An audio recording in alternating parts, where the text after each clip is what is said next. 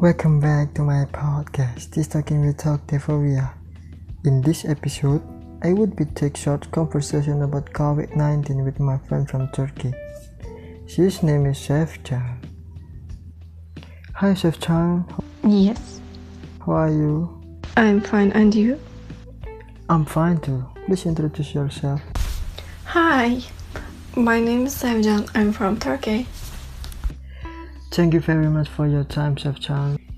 Because you wanna take a short conversation with me, Okay, I will give you some question. I hope you can answer it with your pleasure. okay. First, do you believe COVID-19 is conspiracy? Yes, I believe it.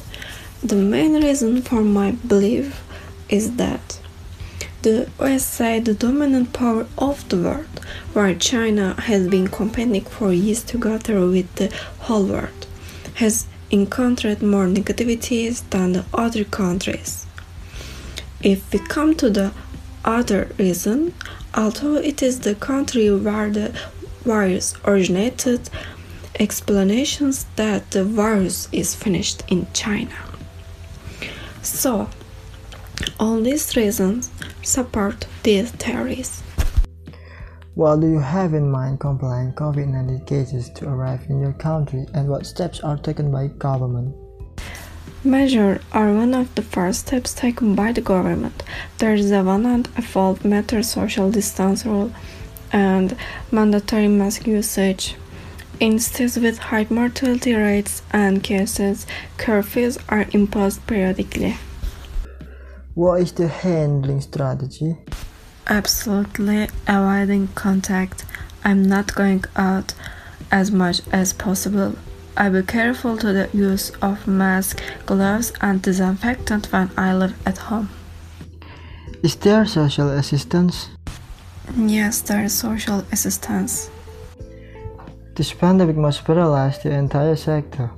What is the dilemma felt by the completion of work programs that cannot work? Actually, there is no dilemma. The station is very clear. The negativity experienced by the employees is due to the spread and transmission of the virus to them. Financial difficulties are at the forefront of the problems of those who cannot work. In social media, many compare the performance of regional heads. How do you respond it? Unfortunately, we have to comply with government programs.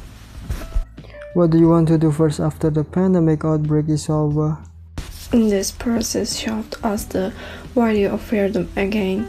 I will go out of the first and I will meet my friends. I have missed them too much. I also want to continue my education. I think that's all about my question, Chef And thank you very much for your time. I hope you keep healthy and stay at your home.